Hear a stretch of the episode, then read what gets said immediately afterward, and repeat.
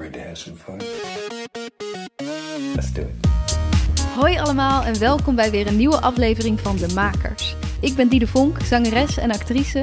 En sinds ik ook zelfstandig muziek en theater ben gaan maken, merkte ik net als veel van mijn collega-makers dat ik tegen een aantal dingen aanliep. Vragen als hoe krijg je je werk aan de man?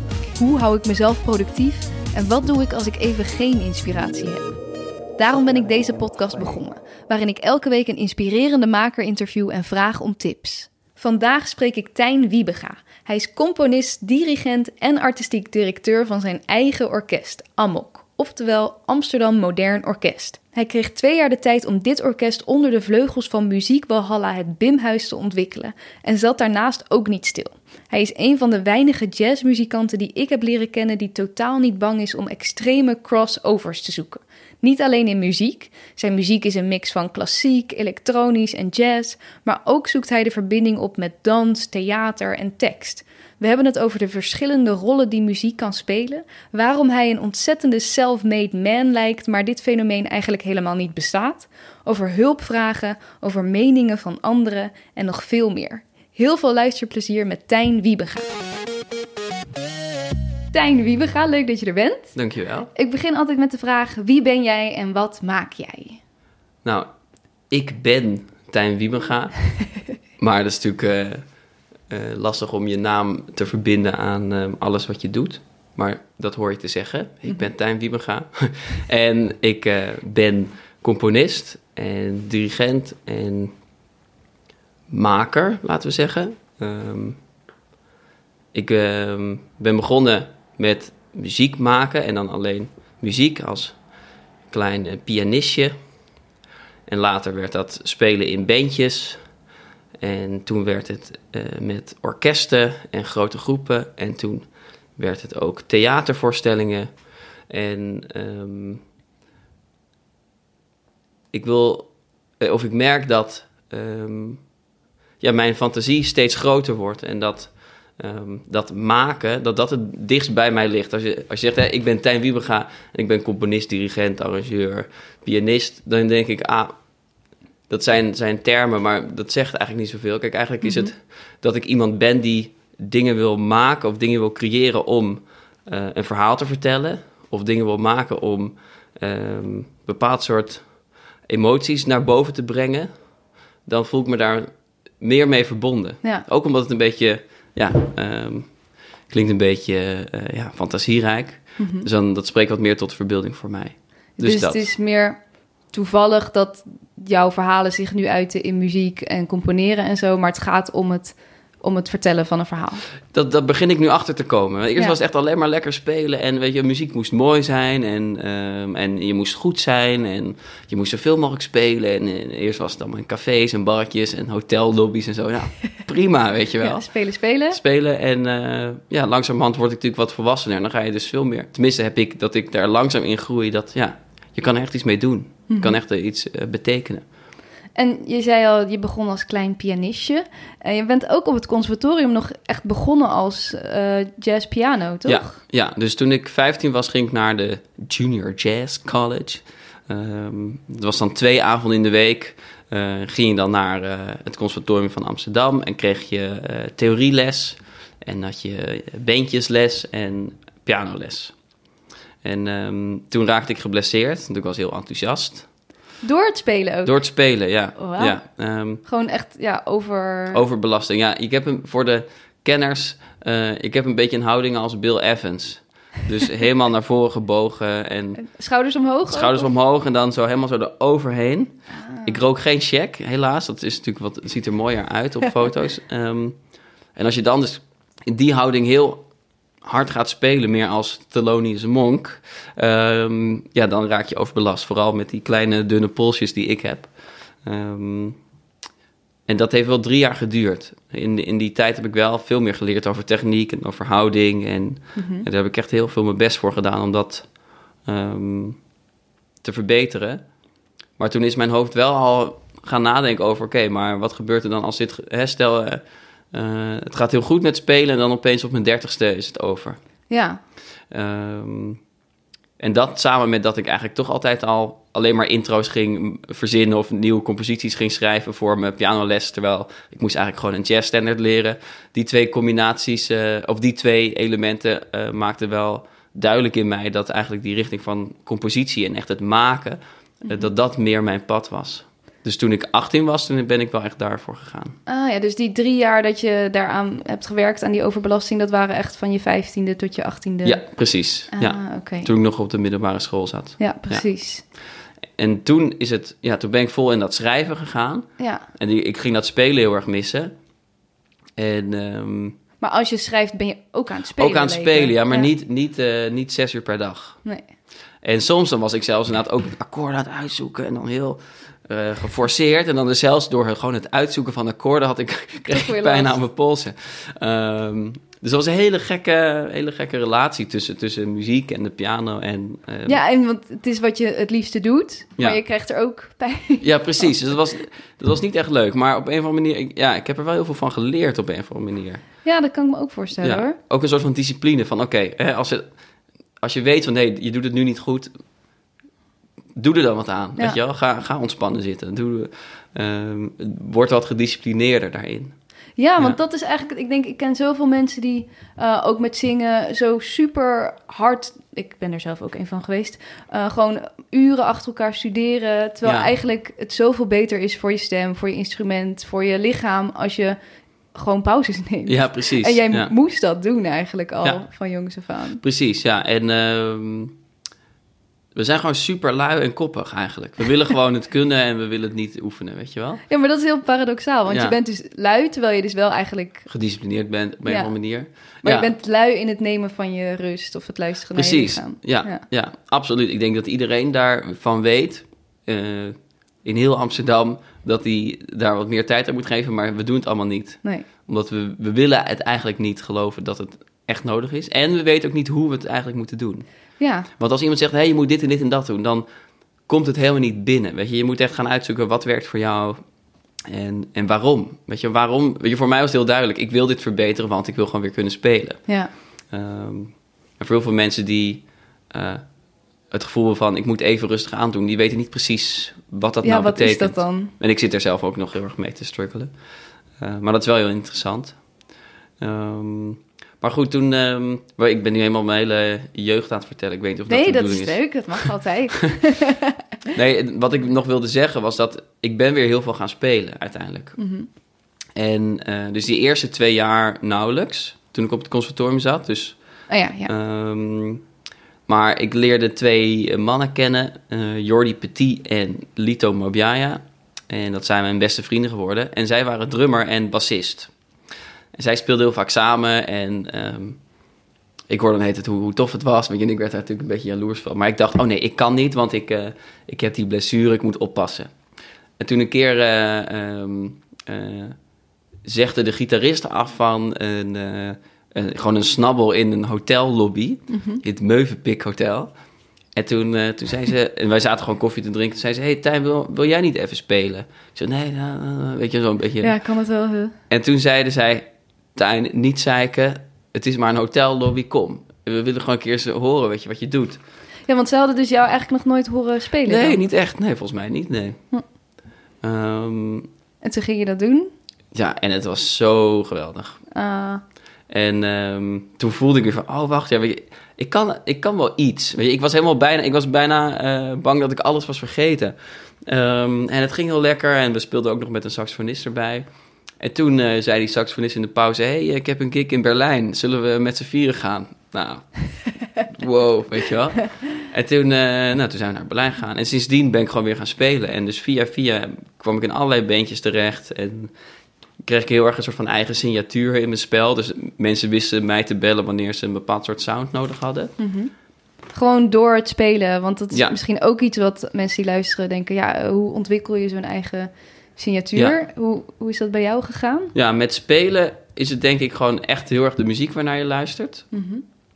En ehm, je interesses in het algemeen. Dus ehm, ik had gewoon een paar grote helden. En één was echt een klassieke jazzpianist, zeg maar. En de andere was gewoon een hele ruige eh, organist uit een, uit een funkband in, eh, in Maine. in eh, Amerika. Juist een totaal, andere Totaal iets anders, maar ik ben daar gewoon ja. helemaal ingedoken. Nou ja, en als je dat dan combineert, dan krijg je ja, een apart soort sound. En ik ging een beetje in met, met synthesizers werken en zo. En op het conservatorium leer je gewoon piano spelen. Mhm. Maar niet echt dat meer elektronische en synthesizer geluid. In ieder geval niet in die eerste jaren. Dus toen was ik daar een beetje in gaan duiken. Want ik dacht, aan een knopje draaien, dat, dat kan ik wel. Weet je, dan gaat het veel meer om muzikaliteit dan Oh, techniek. Ja, ja. Nou, dus zo heb ik dat kunnen ontwikkelen. En ben ik wel gaan spelen. En dan ben ik zo... Ik ben hun zo dankbaar dat ze mij die, la, die laatste push hebben gegeven. Die jongens om ja, te, ja, te Lito gaan en Jordi. spelen. Ja, ja. ja. want ehm, dat heeft nu ook weer, beïnvloedt nu ook weer hoe ik componeer. Of hoe ik nu eh, performances doe. Ja, want Ja. hoe zit dat nu? Welk jaar ben jij afgestudeerd? Mm, 2016? 16, ja. 16? En, ehm, want nu ben je wel weer vooral aan het componeren, Ja. dirigeren. Ja, want ik merk dat daar heel erg mijn, echt wel mijn hart ligt. Ja. Ehm, maar nu weer mis ik het spelen. Mhm. Dus bijvoorbeeld ehm, eh, eind januari heb ik met een strijkkwartet gespeeld in het Pimhuis tijdens de strijkkwartet biennale. Toen ben ik wel weer zelf gaan spelen. En ook had ik een aantal, aantal kastjes met effecten. En dan heb ik met effecten op de cello een, een soort van stuk gemaakt. Dus ik ben ook weer aan het performen. En ik merk Ja. dat, dat, ja, dat ik dat wel eh, nodig heb. Ja, dus het, de combinatie Ik heb dat toch, ja, precies. En ook al gaat het uiteindelijk heel erg naar dat componeren en het bijna het regisseren van muziek, zeg maar. Mhm. Dat vind ik helemaal oké. Zolang het, het performen en het spelen ook nog wel in mijn leven blijft. En als het uiteindelijk eh, eh, dat gewoon iets is wat niet zo belangrijk is voor mijn carrière of zo, maar iets is wat ik gewoon heel erg leuk vind, dan is dat ook oké. Eh, maar ik merk wel dat het me goed doet.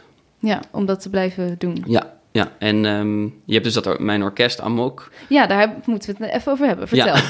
Ja. Vertel. Ehm, ja, waar moet ik dan beginnen? Ja, nee, dus in 2016, dus op mijn, afstu ja, op mijn afstuderen, eh, heb ik een concert gegeven met een orkest van 36 man. 36. 36, ja. Dus ik, Holy fuck. dus ik heb 36 mensen gevraagd of zij alsjeblieft voor niks eh, op mijn eindexamen wilden spelen. En ehm, dat is gelukt.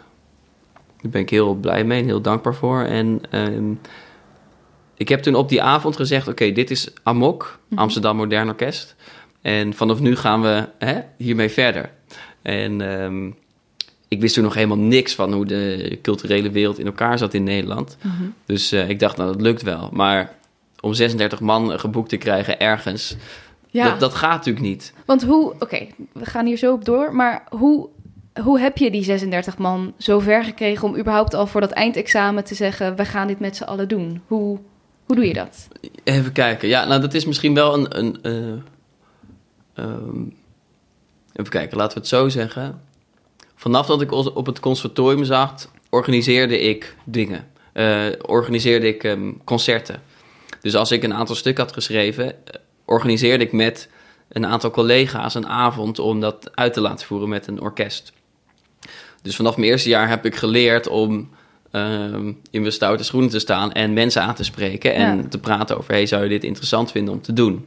En natuurlijk in het conservatorium zit je in een hele veilige omgeving, omdat iedereen is daar om te leren, iedereen is daar om met elkaar kennis te maken. Ehm, en financieel gezien hoef je nog niet een heel gezin te onderhouden. Dus er is nog wel wat tijd om eens wat experimenten te doen. Ja. Ehm, en dus het is me elk jaar wel gelukt om weer een grote groep eh, mensen bij elkaar te krijgen om dit te doen. En met die mensen heb ik ook een relatie opgebouwd.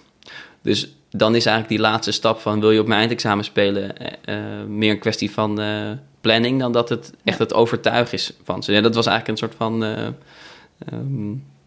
ehm, ja, opbouwen in die jaren. Ja, precies. Dus Ja. ze hebben jouw muziek al leren kennen... en jou, jij, jou als persoon. Ja. Ah, oké. Ja, en sommige mensen hebben echt alles van mij gespeeld. Die hebben gezien hoe ik met echt trillende handen mijn allereerste stuk eh, ging dirigeren, weet je wel. Het is zo mooi om die dan nog steeds eh, te zien en eh, af en toe mee te spelen. Ja. Ja, het is echt... ik vind het echt heel bijzonder hoe je zo met, met mensen zo'n relatie op kan bouwen. Ja, Via de zeker. muziek. Ja. Zeker inderdaad, om ook, omdat jij op het begin natuurlijk ook beginnend was. Ja. En dat ze zo die hele ja, tocht hebben meegemaakt. Precies, ja, ja. Vet, oké. Nou, toen was je dus bij je eindexamen, 36 man. Eh, was eigenlijk een beetje de geboorte van Amok. Ja, En toen? Niks. ik ging toen allemaal mensen bellen, mailen. Ik ging allemaal ideeën idee, idee verzamelen van uh, samenwerkingen en dit en dat en dat. Uh, maar dat, dat wees allemaal op niks uit. En dat is ook helemaal oké. Okay. Ik heb er heel erg leuk over kunnen um, sparren met mensen. Um, maar daar, daar gebeurde wat Amok betreft niks. Maar ik had wel een, een site gemaakt um, van Amok. Waardoor het dus wel leek voor mensen, als ik zeg, hier kijk even op die site, ja. alsof het bestond. en, en, dat, en, en ik had ook wat YouTube-filmpjes laten maken. En dat is wel echt heel belangrijk voor uh, alle mensen die uh, een eindexamen doen of iets dergelijks. Mm -hmm. Zorg ervoor dat je goede opnames maakt en betaal er gewoon uh, goed voor als het nodig is. Goeie, want ja. je gaat dit echt terugverdienen. Ja. Uh, want het, het, het, is gewoon heel duur. Uh, en je, zeker, je kan natuurlijk vrienden vinden die het voor weinig doen of voor niks. Maar kwaliteit is, staat boven alles. Want daarmee kan je echt in weet ik voor hoeveel jaren nog steeds profijt ja. van hebben. Dat wil ik even gezegd hebben. Want ik ben zelf heel erg dankbaar dat, um, dat ik het allemaal heb kunnen filmen. En dat die, dingen, dat die nummers online konden staan. Ja. Want daar heb ik nog steeds profijt van. Um, ja, maar wat wie zei, wat nu? Um, ja, dus even niks. Ja, wat betreft Amok en wat ik toen ging doen is... Um, toen ben ik heel veel arrangementen gaan schrijven voor orkesten. Dus voor Metropoolorkest en voor het Nederlands Blazersensemble. Maar hoe gaat dat? Jij, jij klopt gewoon aan bij hun van... hé, hey, ik, heb een, ik heb een arrangement gemaakt? Nee, nee, nee. um, dus, nou, dit is, bijvoorbeeld bij het Metropoolorkest is ook iets wat ik wel heel uh, bijzonder vind. Dus zij hebben een, een, een uh, academy opgericht. Dus voor studenten en young professionals doen, doen zij twee keer in het jaar volgens mij een project. Waarin zij um, de stukken van het Metropoolorkest spelen, maar dan met, met allemaal jonge mensen. En dan met bijvoorbeeld de dirigent van het Metropoolorkest, dus Jules Buckley. En in elke sectie, dus voor de saxofoons, voor de trompet en trombones, komt de leider van de, de, de echte metropool langs om training te geven. Dat? Nou, en ik mocht toen uh, een eigen compositie schrijven en uh, een stuk arrangeren toen ik dus nog studeerde. Toen heb ik ook voor het eerst dat um, mogen dirigeren. En dus daar ben ik weer Jules Buckley heel erg dankbaar voor dat hij mij gewoon die ruimte heeft gegeven. Want het is echt een enorme ja, stap in mijn, niet in mijn carrière, maar meer in mijn eigen hoofd geweest. Van wow, um, ik kan, ik, blijkbaar kan ik dit en er is vertrouwen ja. dat het lukt. Um, Want is is iedereen die uh, composities maakt ook vaak de dirigent? Dat hoeft niet, toch? Nee, nee, nee. Het is vooral, ik denk dat in, um, in de klassieke wereld is het eigenlijk bijna altijd gescheiden. Mm -hmm. Je hebt wel een aantal componisten die dirigeren. Um, zoals John Adams nu, die, die componeert en dirigeert echt veel. En bijvoorbeeld Mahler, um, die um, dirigeerde het hele seizoen en die componeerde in de zomer. Uh, ja, ja. Dus het, die combinatie is er wel, alleen het is, het is wat minder, minder zichtbaar. En het is ook niet, in ieder geval in de klassieke wereld, is het ook niet per se iets wat heel. Ja, daar is niet, heel, niet per se heel veel waardering voor. Zeg maar. Je wordt niet eerder geboekt omdat je componist en dirigent bent. Ze willen gewoon okay. een goede dirigent en ze willen gewoon een goede componist. Ja. Um, in de jazz heb je wel wat vaker dat de componist of de arrangeur zeg maar, ervoor staat. Maar vaak zijn projecten zo uh, kort dag dat je altijd meer arrangeurs nodig hebt dan uh, één. Ja. Um, dus vandaar dat ik dan, uh, toen ik afgestudeerd was, Jules Buckley kende en dat hij toen mij vroeg, hey, kan je me helpen? En het was heel tof, want het was een project voor um, Amsterdam Dance Event, de opening met Hendrik Zwarts. Het. En Hendrik Zwarts heb ik vroeger ook veel naar geluisterd. Um, dus dat was meteen heel tof. Dus ja, dan ga je niet zeggen, nee, want ik moet mijn amok... Uh, nee, dan ga je gewoon, hoppa, ja. er vol in. En uh, heel veel van geleerd. Want het was best wel bijzonder dat ik meteen na mijn afstuderen gewoon kon werken voor het beste jazz poporkest van de wereld. Ja, sowieso. En, maar ADE is ook normaal heel veel elektronisch natuurlijk. Ja, ja. Heb je dat toen ook alweer gemixt? Ja, precies. En daardoor was het al helemaal leuk. Want kijk, je kan natuurlijk schrijven... Je kan bijvoorbeeld een, een, een, een medley schrijven voor, voor een kerstconcert. uh, maar dit is natuurlijk veel interessanter. En hier kwamen ook twee ieder werelden. zijn ding natuurlijk, huh? maar ieder zijn ding natuurlijk. Maar... ja, ik bedoel, dus, ik bedoel ook niet... Dus ik vind, laten we het zo zeggen... ik vind het veel interessanter om inderdaad uh, iets met elektronica te ja, doen. Ja. Dat, inderdaad, het is iets heel persoonlijks. Um, maar nee, dat snap dus ik daar helemaal. Kon ik, ja, ze kon er vol induiken. En um, ehm, het was ook echt een experiment. Ik denk dat het concert ook niet per se... eh, de uitkomst daarvan was misschien niet per se het, het, het, het ultieme. Maar ik vind het gewoon zo cool dat en het Metropoolorkest en Hendrik Zwarts en ADE... dat experiment durven aan te gaan. Ja, die dachten we nemen gewoon een gast die net van school komt en we proberen het. Ja, Toch? En ik was onderdeel van dus een groep. Hè. Dus, hè, dus Jules die nam gewoon de leiding, die was de dirigent. En die hielp me ook heel erg met die arrangementen. Eh, dus dan zaten we gewoon nog anderhalf uur aan telefoon dingen aan te passen. Ja, dus hij nam me wel echt onder zijn vleugels. Maar dat is heel bijzonder voor mij dat hij dat heeft eh, gedaan. Ja. En dit is dus ehm, ehm, een. eh, even kijken. Dit is dus hoe, hoe als we, maar daar hebben we misschien wel later over. Van, ja, hoe doe je het allemaal? Mhm. Dit is wel hoe het gaat. Kijk, als je mensen hebt die je onder je vleugels nemen, dan kan je stappen zetten. Ja. Ehm, en dus Jules Buckley was wel echt een van die mensen. Eh, maar dus mijn hele amokplan, dat viel natuurlijk eh, in duigen. Want toen de- ging ik uiteindelijk wat meer de- stukken schrijven voor Metropoolorkest en voor het Nederlands Blazersensemble ook. Wat ook heel tof is. Die doen ook allemaal hele experimentele dingen. Hè, dan moest ik Georgische muziek schrijven of Eritrese muziek. Weet je wel, dat was ook weer van, oh, wauw, ik heb die muziek nog nooit gehoord. Hoe, hoe ga ik hier dan mijn eigen versie van maken? Dus daar duik je dan even helemaal in Ja. en dan... eh, Ja, dan ben ik gewoon twee weken alleen maar dat aan het doen. Ja. Ja, heerlijk is dat. Ja, Ja. kan ik me heel goed voorstellen. Ehm, en tegelijkertijd ben ik toen ehm, eh, gevraagd om voor het Prinses Christina concours ehm, een, eh, een soort van 20 minuten voorstelling te maken. Ehm, ik was niet de initiator. Ik ben heel blij dat eh, Pieter de Koe mij ervoor heeft gevraagd om mee te doen. En ehm, dat was eigenlijk mijn eerste voorstelling waarin zeg maar, zelf spelen, improvisatie, compositie en iets multidisciplinairs ehm Was dat prikkel? kwam. Nee, maar dat is prikkel is daaruit voortgekomen. Ah, dus daarom, vind ik, daarom is dit voor mij ook een heel belangrijk moment.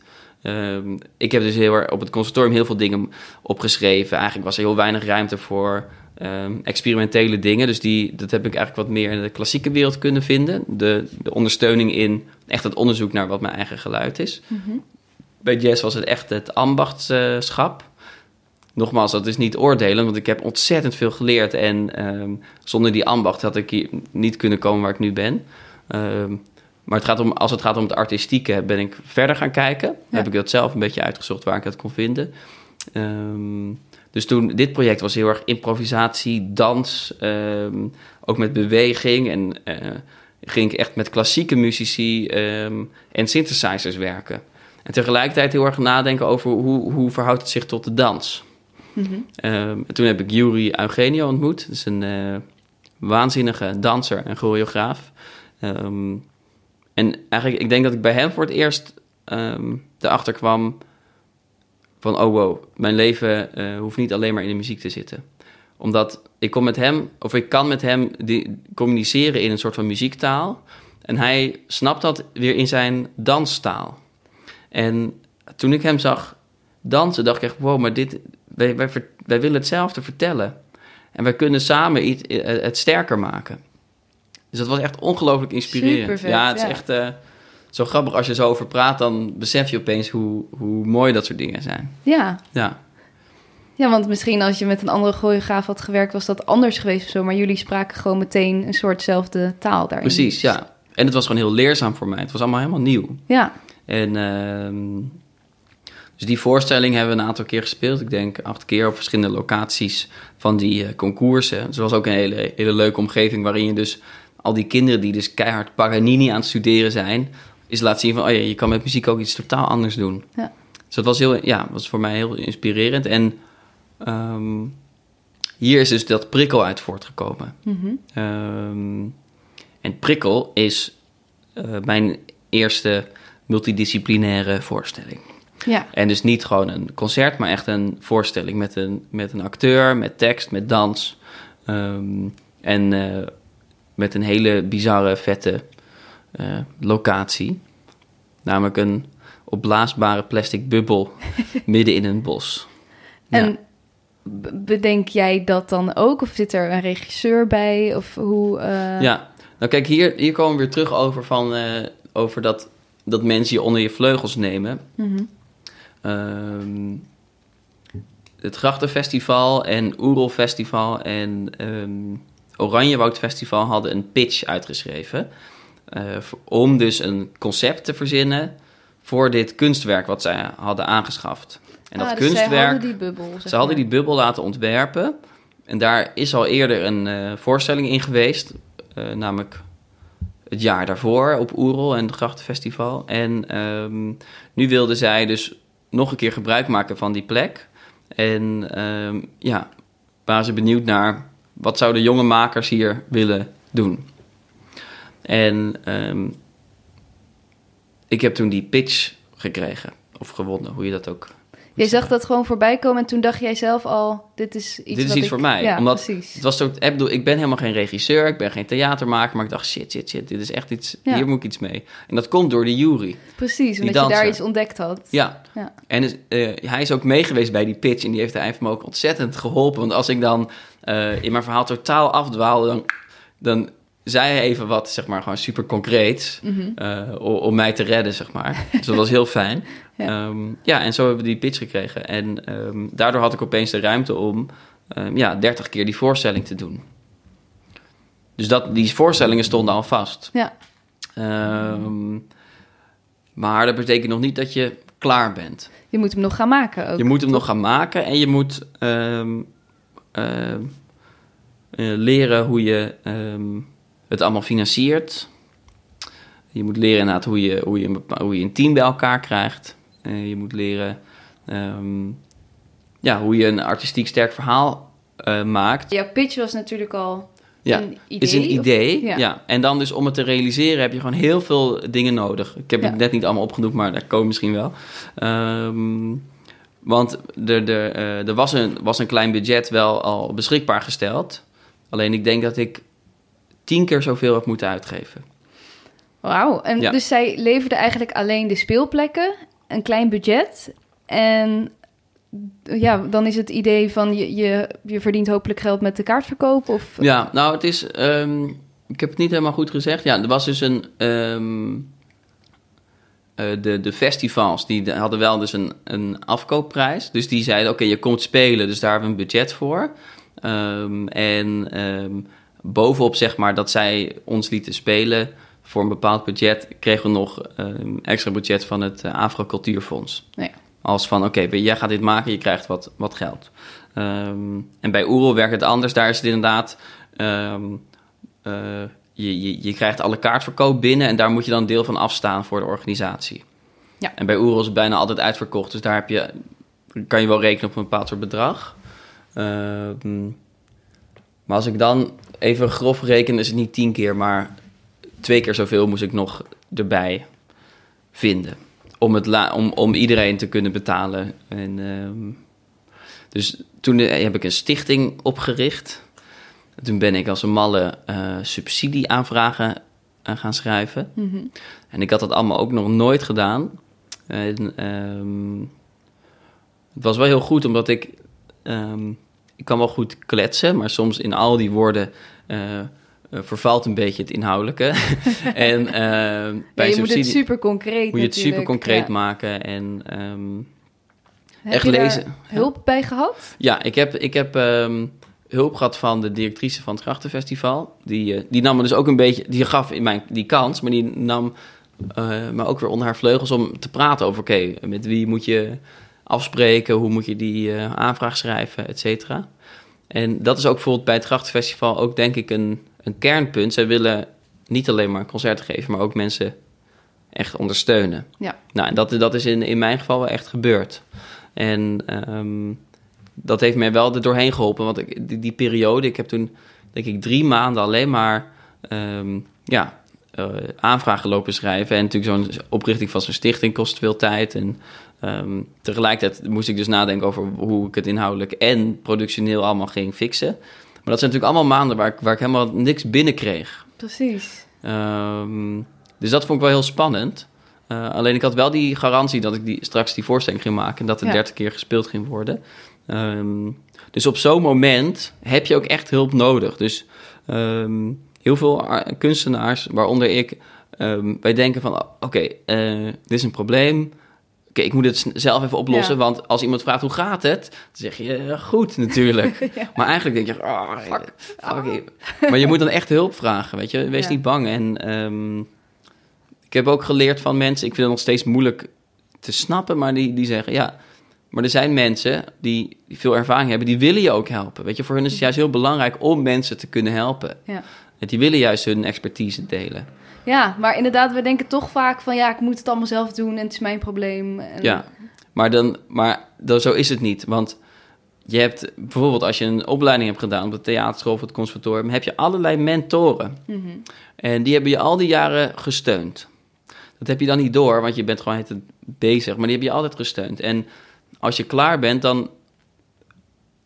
Ja, of je hebt mentoren, of je moet actief zoeken naar mentoren en mensen die je kunnen helpen. Want ehm, eh, ja, ik denk een self-made man bestaat niet.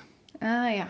Snap je? Ehm, ook als je het niet doorhebt, zijn er altijd mensen die je hebben geholpen. Ook al, hè, dat zijn je ouders, eh, dat zijn, het is je, je, je leraar op de middelbare school, het is je leraar op het conservatorium, het is die oom van je die, die altijd eh, naar het concert gaat, ehm, die altijd weer mensen meeneemt.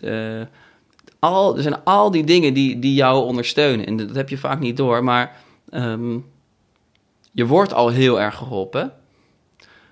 Dus als je echt hulp nodig hebt, wees dan niet bang om het te vragen. Want zo werken wij nu eenmaal in dit, Ja. dit systeem. En ehm, ik denk dat dat wel belangrijk is om te begrijpen van... ehm, je hoeft geen self-made man te worden, want dat ben je toch niet. het, gaat nooit- Goeie, het, is, ja. het bestaat Je bent niet. dus eigenlijk nooit echt. Dus ja, dus, dus vraag dan gewoon om hulp. Precies, Ja. ja. Want zo, zo werkt die wereld. Ja, en ik denk los daarvan dat ieder mens gelukkig wordt van andere mensen helpen. Dus dat er Absoluut. ook inderdaad echt wel mensen zijn die jou kunnen en willen helpen. daarmee. Absoluut, ja. Ja. Je hebt het echt nodig. Hè? Als, je, als je het hebt over eh, een initiator zijn, iemand die echt van begins af aan iets wil opzetten, dat kan je gewoon niet alleen. Nee. Ehm, maar als je kunstenaar bent, ben je altijd in je eentje bezig geweest. En altijd gaat het om, ja, maar wat is jouw eh, artistieke visie? En Wat, hè, hoe, wat- hoezo ben, hoe ben jij uniek in deze wereld? Waarom zouden wij eh, voor jou een, een, een plek maken om een expositie te geven of Ja. een concert ge- te geven? Eh, dus dat heb je aan de ene kant, waardoor het een beetje verwarrend is dat voor zo'n groot project dat gewoon niet kan. Nee. Dat is allemaal in samenwerking en in respect en in, ehm, eh, ja, in teamverband. Ja, en misschien als je altijd zo op jezelf blijft, dan blijft het ook een soort self-centered. En dan wordt het misschien ook nooit veel groter dan, dan wat het had kunnen zijn als je wel Precies. een heel team hebt. Ja, ja. Ja. En het lastige is dat, ehm, en daar zit ik ook nog heel erg mee te, te ehm, wacht, struggelen. Maar wat is dat in het Nederlands? Worstelen? Ja, te worstelen met die combinatie tussen een project opzetten, al het regelwerk, alle, alles wat te maken heeft met netwerk, eh, met PR, eh, met ehm, het omgaan met mensen. Hè, dus het hele sociale gedeelte van een, een, een project organiseren, dat had ik totaal eh, onderschat. Ehm, dat heb je allemaal. En je hebt gewoon het artistieke en het, het, het letterlijk het maken. Ja. En ik merk dat ik nog heel erg puur in dat maken denk, waardoor ik dat hele, de, de, hele achterban van zo'n organisatie vergeet. Mhm. Waardoor dat soms heel lastig is, ook voor mensen die dan met mij werken, eh, om soms mij te snappen. Omdat ik dan al veel te ver al in het eindresultaat zit. Terwijl je, ja, je, je ze nog mee moet krijgen in het hele Precies, ja. eh, proces. Ja, dus dat is wel dat is heel interessant om, om te Ja. ontdekken. Omdat, ehm, ja, ik ben, ik, ik ben toch een soort van regisseur van de muziek. Ja. Hè, dus ik heb, ik heb eigenlijk allemaal skills nodig die je als regisseur misschien leert, Mhm. eh, maar die ik nooit heb geleerd. En wat Eh, vond je daarin het, het lastigste? Hoe merkte je dat je daar tegenaan liep? Nou ja, kijk, die prikkel is wel een heel goed voorbeeld. Ik heb daar echt ongelooflijk veel van geleerd. Omdat ik, ja, het was een soort van donkere kamer. En dan moest ik toch alle, alles vinden wat ik moest vinden. Maar het licht stond niet aan, weet je wel. Eh, en ik heb uiteindelijk wel alles ongeveer gevonden. Mhm. Ehm, maar wel tegen een paar dingen aangestoten. Zeker weten. ja, dus ik- kijk, ik heb gewerkt met fantastische mensen. Met, ehm met supergoeie muzici, met een goede acteur, met, ehm, met goede technici. met een eindregisseur die, keihard eh, mee heeft geholpen. Alleen, hoe goed je die mensen ook kent... ehm, daardoor, je moet wel echt voor ze zorgen. Snap je? Het zijn allemaal individuen, maar als jij leider van die eh, groep bent, moet je echt voor ze zorgen. En ehm, eh, daarvoor moet je ehm, op een bepaalde manier communiceren en op een bepaalde manier ruimte geven, of op een bepaalde manier soms zekerheid geven. Weet je, ik had soms geen idee wat ik deed. Uh, maar dat voelde zij ook, waardoor zij zich minder vrij voelde, omdat ze niet snapte wat ze moesten doen. Um, hè, dus hoe ja, het leren communiceren met de mensen met wie je werkt. Ja. op zo'n manier dat je A. Uh, eerlijk bent naar jezelf en eerlijk bent, bent naar hun. Dus als je het even niet weet, dat je het best kan zeggen. Um, en kan delen hoe jij je voelt. Um, en uh, je moet leren om hun ruimte te kunnen geven. Um, omdat je werkt met artiesten en die hebben natuurlijk een soort van authenticiteit nodig. Ja. En ik wil heel graag dat ook uh, in mijn muziek of in mijn stukken hebben. Die authenticiteit en de artisticiteit van, van, de, van de mensen met wie ik werk. Ja. Um, Hoewel met muziek je misschien gewend was van... oké, ik maak een, ik componeer een stuk en dat voeren zij uit. Precies, uh, ja, maar daar heb ik ook altijd al... Uh, wel vrijheid in. Gegeven. Zeg maar, ik, ik wil heel graag... Als, als Kika Sprangers in mijn band zit, dan wil ik haar horen. Ja. En dan wil ik dat iedereen kan horen dat zij het is. Weet ja. je wel zo? Oké. Okay. Dat heb ik wel. Alleen ik moet wel leren hoe ik dat voor elkaar krijg. Ja, precies. Hoe je ja. mensen die ruimte geeft, maar ook een soort leider bent. En... Ja, en wel gewoon richting geeft aan het proces. Ja. En omdat ik het zelf allemaal heel vaak niet helemaal wist, was het voor hun ook lastiger. Ja. Ja. Dus dat, zou ik, hè, dus dat gaat nu al een stuk beter. Ja, want nu uh, zijn we weer een paar jaar verder. Ja. En nu zit jij, ben je toch weer full-on bezig met Amok. Ja, precies. Als ik het Eindelijk. niet heb. Ja, ja, ja. dat is weer uh, naar boven gekomen. Ja, precies. Ja. Hoe is dat gegaan? Want uh, volgens mij heb jij een mooie kans gekregen bij het BIM-huis. Ja. Hoe ging dat? Ja. Nou, ik had dus nog altijd die, deze droom van het orkest.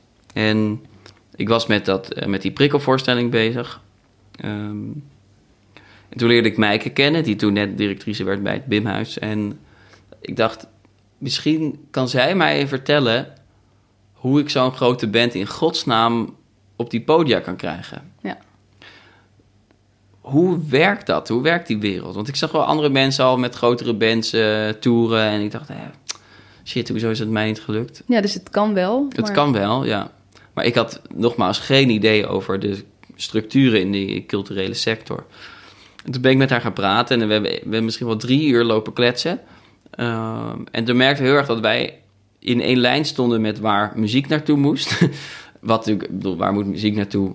Uh, dat doet er helemaal niet toe. Maar wij voelden in ieder geval, uh, ja, we resoneerden wel in, in een bepaald soort ideeën. En um, toen, toen zei ze, nou, misschien moeten wij het samen gaan doen. Want zij had namelijk ook een droom. Namelijk om van het BIM-huis niet alleen maar een concertzaal te maken, maar om van het BIM-huis ook een productiehuis te maken. Dus dat er inderdaad de hele tijd jonge artiesten rondlopen die van de studio gebruik kunnen maken, die kunnen repeteren, die concerten kunnen geven. Uh, zodat er ook een beetje leven in de tent komt. En uh, zodat dus die plek veel meer gaat betekenen dan alleen maar een concertzaal. Ja. Dus eigenlijk kwam voor, voor haar kwam ik ook precies op het goede moment. Um, en nou, er bestaat zoiets als de nieuwe makersregeling van het Fonds Podiumkunsten. En die uh, nieuwe makersregeling die um, geeft de gelegenheid om een kunstenaar twee jaar te laten samenwerken met een culturele instantie. En um, de culturele instantie die, die investeert daarin en dus het Fonds Podiumkunsten die investeert dus ook in die samenwerking. En um, op die manier uh, kunnen dus beide insta- uh, kunnen, kunnen, kan dus de artiest en de instantie die kunnen samen groeien. Om dus eigenlijk een soort van nieuwe identiteit aan te meten. Dus het BIM-huis wil een productiehuis worden. En ik wil um, hè, mij verder ontwikkelen als componist, dirigent. Um, en, en, en, en, ik wil mijn amok op, opzetten. Hè, dus dat ik niet alleen maar uh, in hotellobby's piano speel en arrangementen maak. Nee, dat ik eigen stukken schrijf, dat ik eigen projecten opzet en dat ik leer hoe dat werkt in die wereld. nou, en dus, die, en dus we hebben die, ehm, die nieuwe makersregeling gekregen, waardoor ik opeens twee jaar had om dit op te zetten. Dus nogmaals, sommige mensen die, ze, die mij tegenkomen en die horen wat ik allemaal doe, die denken, jeetje, echt zo'n self-made man. Ja. Nee, ik ben geen self-made man. Ik, ik word overal eh, ondersteund. En ja, ik zoek wel naar die ondersteuning. Mhm. Je Eh, hebt daar wel benaderd. Precies, weet je, dat zijn initiatieven. Hè? Dus Ja. ik ben misschien wel initiatiefrijk, Ja. maar ik ben geen self-made man. En waarom vind je dat belangrijk om dat te benadrukken? Ja, omdat ehm, ik erachter kom hoeveel mensen in, in de culturele sector werken. En hoeveel mensen hun, hun, eh, eh, eh, voor een lager loon keihard werken omdat ze geloven in die, in, in die wereld. Mhm. En ehm, ik word door al die mensen geholpen. En ik vind dus dat daar ook, dus dat dat zichtbaar moet zijn. Ja. En ik ben gewoon iemand die, die, die heel erg werkt vanuit samenwerking. En dus successen die ik behaal, die komen ook door de samenwerking met de mensen met wie ik werk. Eh, hè, dus omdat ik met zulke waanzinnige muzikanten kan werken, klinkt mijn muziek op een bepaalde manier. Dus ik doe het juist niet allemaal zelf. Nee. En, en ehm, ik ben gewoon heel erg dankbaar dat ik dit allemaal kan doen. En ehm, daar hoort bij dus ook dat als ik erover praat, dat ik laat merken van dit is een gezamenlijk proces. Ja. Ook voor de mensen die er aan werken zonder dat ik ze zie. Mhm. Weet je wel, de mensen die alle subsidieaanvragen lezen en beoordelen, bijvoorbeeld. Ja, Weet je, dat, dat hoort er allemaal bij. Ja. Of de mensen die anoniem eh, doneren aan eh, Prins Bernhard Cultuurfonds of wat dan ook. Ze horen er allemaal bij. Ehm, en voor mij mag dat gewoon wat zichtbaarder zijn in de. Dat vind ik mooi, want het wordt vaak ook wel een soort van geprezen van oh, eh, self-made man, dit en dit en dat. Maar ik vind het mooi wat je zegt, dat, alle, dat je ook gewoon een schakel bent in het geheel. En Ja. dat het allemaal samen bijdraagt aan dat Ja. zoiets kan bestaan. Precies. Ja, Ja. ja. vet. En tot wanneer duurt die makersregeling? tot, eh, tot eh, deze zomer. En dan? En dan, ja, dat is een het lastige goede spannend? vraag. Nou, ik heb nog een. Daarna ga ik nog een eh, ehm, kindertheatervoorstelling maken. Leuk. Met eh, Mart van Berkel. Dat is een eh, jonge regisseur, maar echt waanzinnig goed. Ook weer van hem leer ik zo ontzettend veel. Daar merk ik echt van, oh ja, ik wil een regisserende componist zijn. Hè? Dus echt al werkend met muzikanten een voorstelling maken... waarin vanuit mij dan hè, de, muziek het verhaal vertelt. Ehm, ik, ik heb met hem de, een, een kersentuin gemaakt... eh, niet vorige zomer, maar de zomer daarvoor. Dus vlak na prikkel ging ik meteen door als muzikaalleider voor een project van hem. Mhm.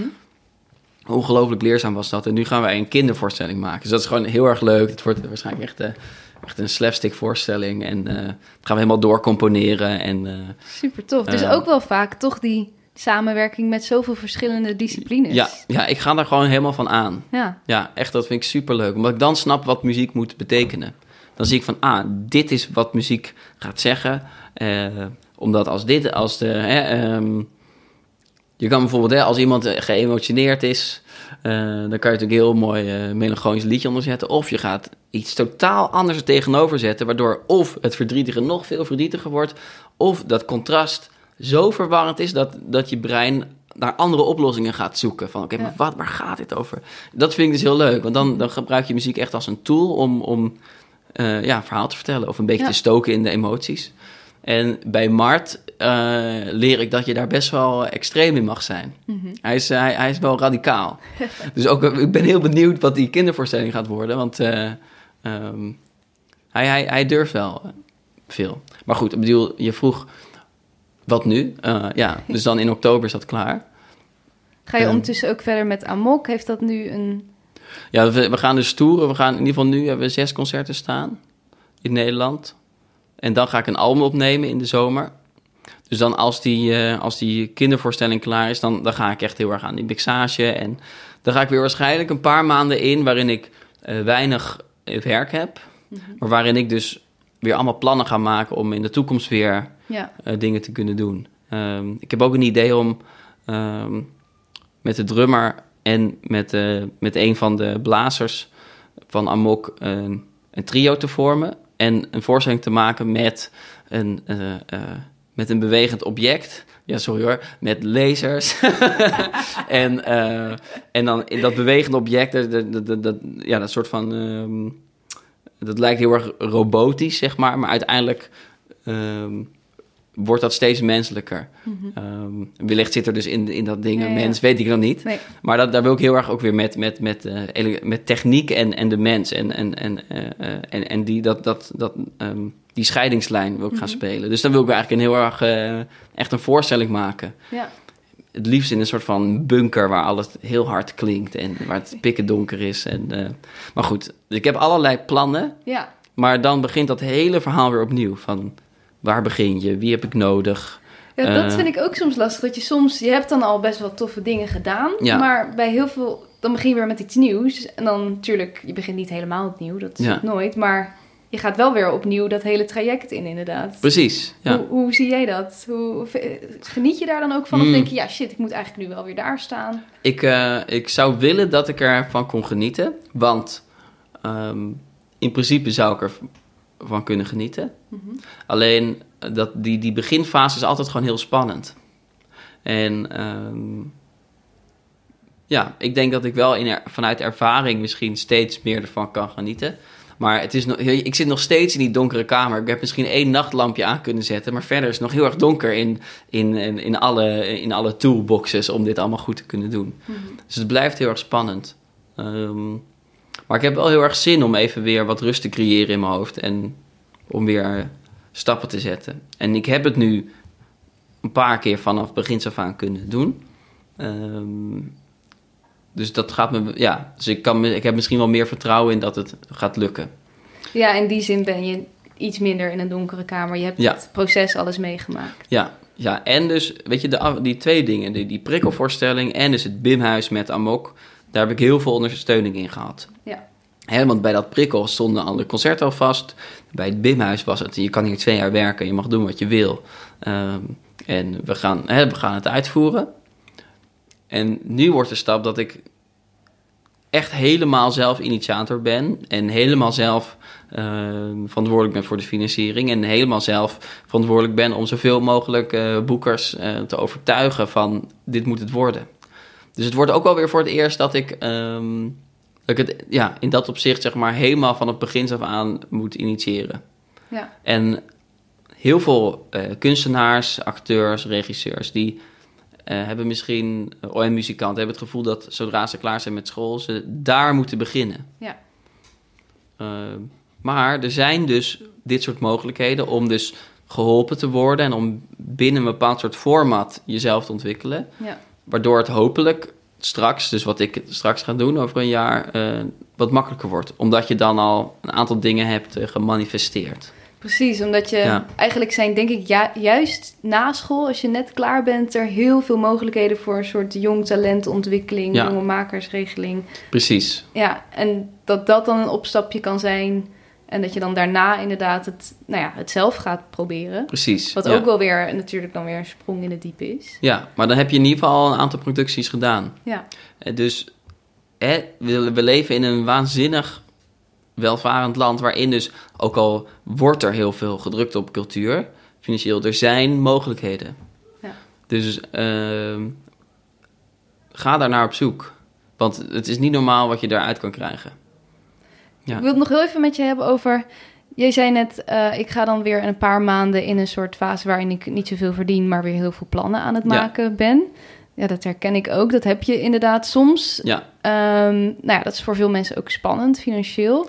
Maar Ja. nu zag ik volgens mij, was dat in, in die NTR, dat jij voor een jaar ook echt een soort van schema hebt voor Ja. jezelf. Zoveel maanden zit ik in die fase. ja, Ja, kun je daar iets over vertellen? Ja. Nou, ik voel dat ik wel een hele duidelijke biologische klok heb. Ehm, en ehm, daar merk ik inderdaad dat ehm, zo rond september, oktober, november is echt een soort van, dat zijn echt mijn regelmaanden. Dus hoe erg ik mijn best ook doe, dan komt er niet zoveel eh muzikaals uit. Mhm. En dan in de winter is het meer echt het maken. Ik denk zo tot april. Ehm, en dan heb ik, probeer ik wat meer al dat regelwerk aan de kant te schuiven. Super lastig, lukt me niet. Maar hè, dat probeer ik in ieder geval. Ja. Eh, zoveel mogelijk om echt dat, hè, eh, het maakproces op orde te krijgen. Dan het voorjaar is meer echt het uitvoeren. Dus het is, ehm, het is ook, ook wel onderdeel van zeg maar, de biologische klok van, eh, van de culturele wereld. Of de, de op, ja, wat is het, podiumkunst. Hè? Eh, maar ik gedij daar wel goed op, merk ik. En dan, ehm, ja, dus heb je, ja, ehm, Dus dat je voor jezelf toch ook een soort eh, ritme daarin creëert. ja, precies. Ja. En het betekent niet dat het nu het optimaalste is, ik, dat weet ik allemaal niet. Maar ehm, ik probeer daar wel een soort van structuur in te vinden. Want ik ben een enorme chaot in mijn hoofd. Eh, dus ik probeer allerlei manieren te verzinnen om een beetje met, met mijn poten op de grond te, te blijven. Ja. En hoe werkt dat van dag tot dag? Ehm, heb jij bepaalde, als je niks gepland hebt, maar je weet ik wil deze week gaan schrijven of zo. Ja, hoe, hoe ziet dat er dan uit bij jou? Ja, nou, ik heb. ehm, ik heb eigenlijk in mijn agenda elke dag ehm, staan wanneer ik wil componeren. Dus, en sommige dagen dan zeg ik dus gewoon alles af. Of ik bedoel, ik, ik plan daar niks, want ik weet, ik moet daar gewoon componeren. Ja. Eh, want als je dat niet doet, dan raakt je hele agenda vol. Ehm, en dus op die manier kan ik, kan ik twee of drie dagen gewoon per week alleen maar componeren. Nogmaals, dat lukt niet altijd, maar dat is wel eh, mijn ja, doel. be- bewaakt die tijd wel voor je. Precies, ja. En dan kan ik ook gewoon lekker tot laat in de avond door. Want als ik eenmaal bezig ben, dan wil ik liever gewoon doorwerken. Ja. Ehm, en dan soms dan plan ik gewoon een hele week. Ga je dan ook ergens anders heen of blijf je... Dat heb ik een paar keer geprobeerd. Maar ik, ja, ik ben toch wel een, eh, een mensenmens. ik werd er heel, eh, heel ongelukkig van. Maar er Oh, is dat wel... je dan echt helemaal... Ja, ik was echt helemaal afgezonderd. Het was winter en alleen maar mist. Ik zag helemaal geen reet. De supermarkt was super ver weg. Nou, het was allemaal... En dan was ik mijn portemonnee vergeten. Dus dan was ik uren bezig. Terwijl ik moet componeren, weet je wel. eh. Dus uiteindelijk was het niet eens veel handiger. Nee, nee, nee. En je moet daarheen en dan moet je al je spullen daar opstellen en weet ik veel wat. Maar goed, je bent wel veel meer geconcentreerd. Er is wel altijd wel wat goeds uitgekomen. Dus ik zit wel te denken, ik, ga in, ik wil in april ook weer zo'n hele week eh, plannen. Omdat eh, in eind mei ga ik eh, weer een concert geven in het Bimhuis. En dan wil ik zoveel mogelijk nieuwe muziek.